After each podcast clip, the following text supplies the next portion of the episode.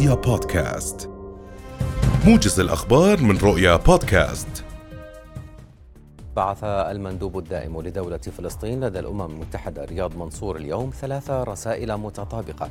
إلى كل من الأمين العام للأمم المتحدة ورئيس مجلس الأمن الحالي ورئيس الجمعية العامة للأمم المتحدة استهلها بدعوة المجتمع الدولي ومجلس الأمن للتحرك الفوري لوقف ما أسماه الانفجار الوشيك للوضع في فلسطين المحتلة دعوة منصور جاءت بناء على تعليمات الرئيس الفلسطيني محمود عباس للتصدي لاعتداء وزير الأمن الداخلي في حكومة الاحتلال الإسرائيلي إتمار بن غفير واقتحامه للمسجد الأقصى بالتحرك الفوري في الأمم المتحدة ومجلس الأمن ومن خلال المجموعة العربية ومنظمة التعاون الإسلامي.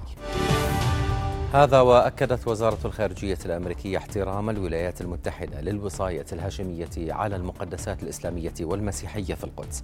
وأعربت الخارجية الأمريكية عن قلقها من اقتحام وزير الأمن القومي الإسرائيلي إتمار بن غفير المسجد الأقصى المبارك الحرم القدسي الشريف الذي يزيد التوتر وإمكانية اندلاع أعمال عنف مشيرة إلى أنها تعمل على إعادة مسار المفاوضات للوصول إلى حل الدولتين. في الوقت ذاته أكد البيت الأبيض أن أي تغيير في الوضع القائم في المواقع المقدسة في القدس غير مقبول.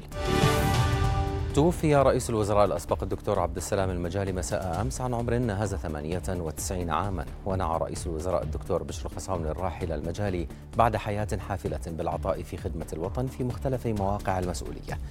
واستلم المجال عدة مناصب في الأردن فقد كان رئيسا للوزراء لفترتين الأولى من عام 93 وحتى 95 والفترة الثانية من عام 97 وحتى 98 وسيشيع جثمان المجالي من مسقط رأسه في بلدة الياروت بمحافظة الكرك بعد صلاة عصر اليوم.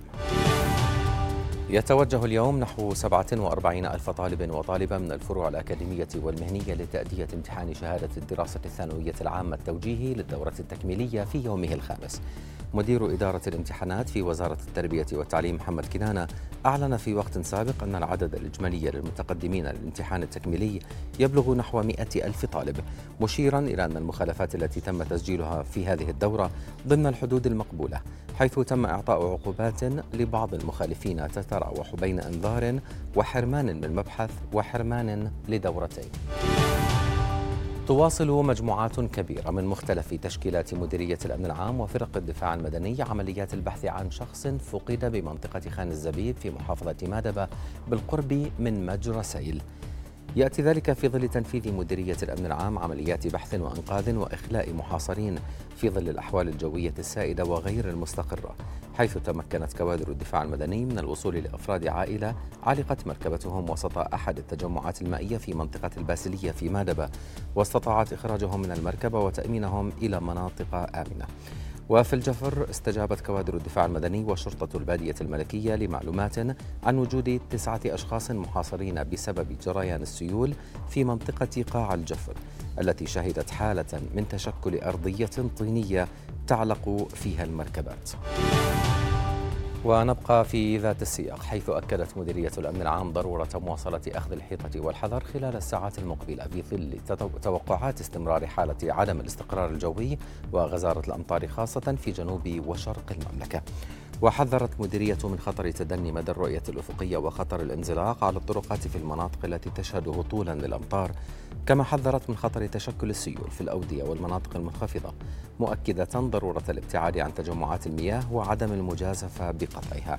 من جانبه قال مدير العمليات الجوية في مركز طقس العرب أسامة الطريفي إن فرص هطول الأمطار اليوم مرتفعة في المناطق الشرقية من الأردن في حين تكون محدودة في شمال ووسط المملكة.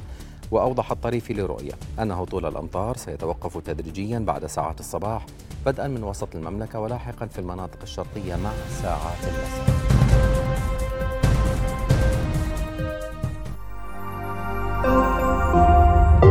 رؤيا بودكاست.